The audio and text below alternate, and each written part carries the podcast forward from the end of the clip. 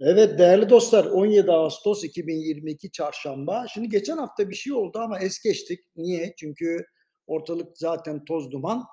Bir büyüğüm de zaten toz dumanda ferman okunmaz derdi. Şimdi birbirinden zorlu şartlardan geçerken bulunduğumuz durumu tarifleyen açıklamalara pek dikkatimizi veremiyoruz. Dolayısıyla normal zamanlarda önemli bulduğumuz açıklamalara bugünlerde pek odaklanamıyoruz desem yanlış olmaz. Yine de es geçmiyorum. Şu Moody's'in açıklamasına bir döneyim. Şimdi geçen hafta Moody's bir kez daha kredi notumuzu düşürünce oldukça ilginç bir ülke grubunun içinde bulduk kendimizi.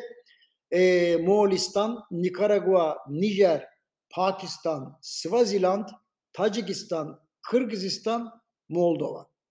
Şimdi tabii ilk bakışta insan isyan ediyor. Ne finans sistemi ne de reel sektör ne de ticaret bu ülkelerde bizimki kadar gelişmiş değil. Ancak sebep belli artan dış kırılganlık karşısında karmaşık ve etkili olmayan makro ihtiyati tedbirler.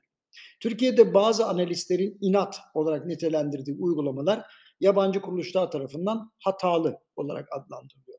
Bu konuda duygusallıktan uzak ve soğuk bir değerlendirme yaptıkları kesin.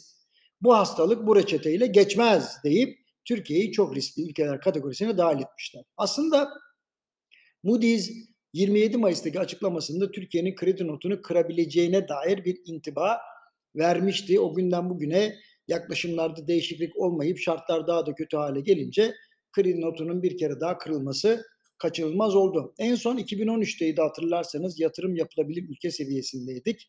Ee, sonra e, sadece sermaye hareketlerine yeşil ışık yakan notlamanın en dibine düşmesi maalesef gerçekleştirdi. Başka zaman olsa kıyameti koparırdı ama bugünkü şartlar altında ayrıntı haline geldi.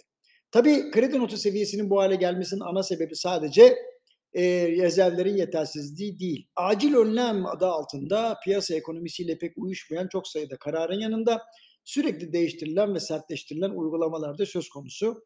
Resmi gazeteyi her sabah okuma alışkanlığı olanlar bile bazı kararları anlamakta zorluk çekiyorlar. Enerji, perakende ve finansla alakalı birbirinden karışık ve birbiriyle çelişen mevzuat maddeleri yatırımcının hevesini kaçırıyor desem yanlış olmaz. Peki çare nerede? Heh. Ya kendimden örnek vereyim.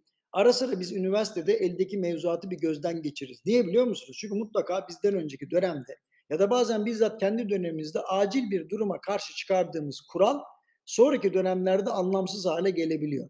Hatta uygulamacının önünü de keser. Bazen bir yönetmeliğin içindeki madde diğer başka bir yönetmelikle e, nasıl diyeyim e, şey yapabiliyor, çalışabiliyor. Aynı şey yönergeler içinde geçerli. Şimdi seçime kadar e, bunu yapamayız tabii. Yani seçime kadar ben hükümetten böyle bir şey e, beklemiyorum ama hani mutlaka seçimlerden sonra şu mevzuatın acilen gözden geçirilmesi lazım. Başta ne? Başta 32 sayılı karar, dış ticaret rejimi, vergi rejimi, perakende uygulamaları, e-ticaretle ilgili düzenlemeler, bankacılık, banka harici finans kurumları vesaire. Bu uygulamaları toptan gözden geçirelim. Çünkü bazı çözümler teknik değil değerli dostlar. Politik, aynı zamanda psikolojik. Darboğaz anlarında haklar eksilir, anlıyorum, eksiltilir hatta. Fakat tehlike geçtikten sonra bu haklar tekrar vatandaşa iade edilmeli. Aksi takdirde piyasa kurallarının dışına çıkılmış olur ve istikrarı sağlamak mümkün olmaz efendim. Yarın görüşmek üzere. Hoşçakalın.